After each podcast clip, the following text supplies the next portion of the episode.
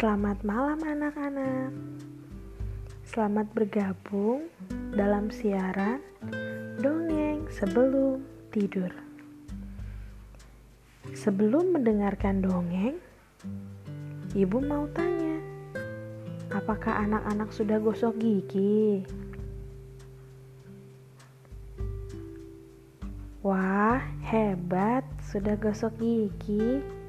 Bagi yang belum, jangan lupa untuk gosok gigi ya.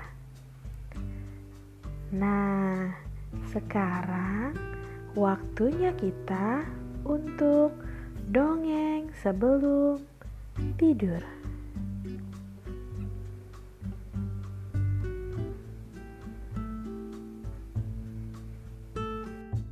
Kali ini Ibu Laura akan mendongeng dengan judul Bangau yang suka menari.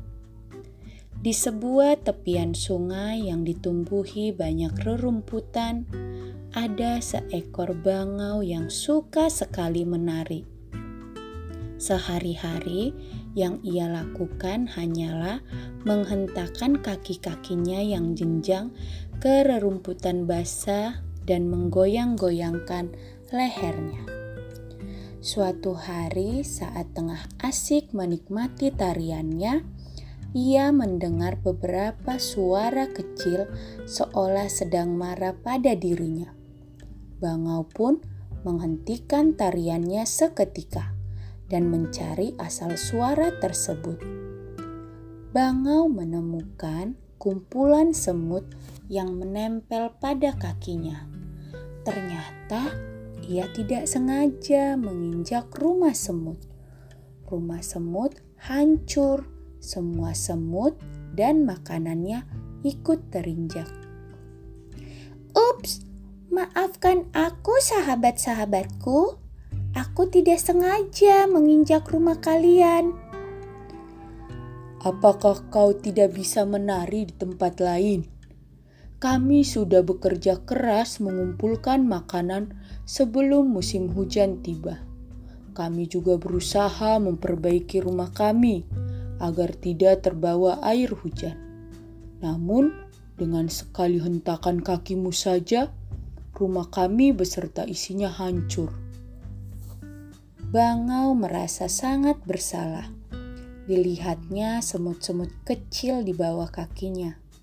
Mereka bekerja sangat keras mencari makanan dan menggotong makanan tersebut bersama-sama. Mereka juga memperbaiki sarang agar bisa menjadi tempat tinggal yang baik sebelum musim kemarau berakhir. Bangau pun mencari cara agar dapat memperbaiki kesalahan.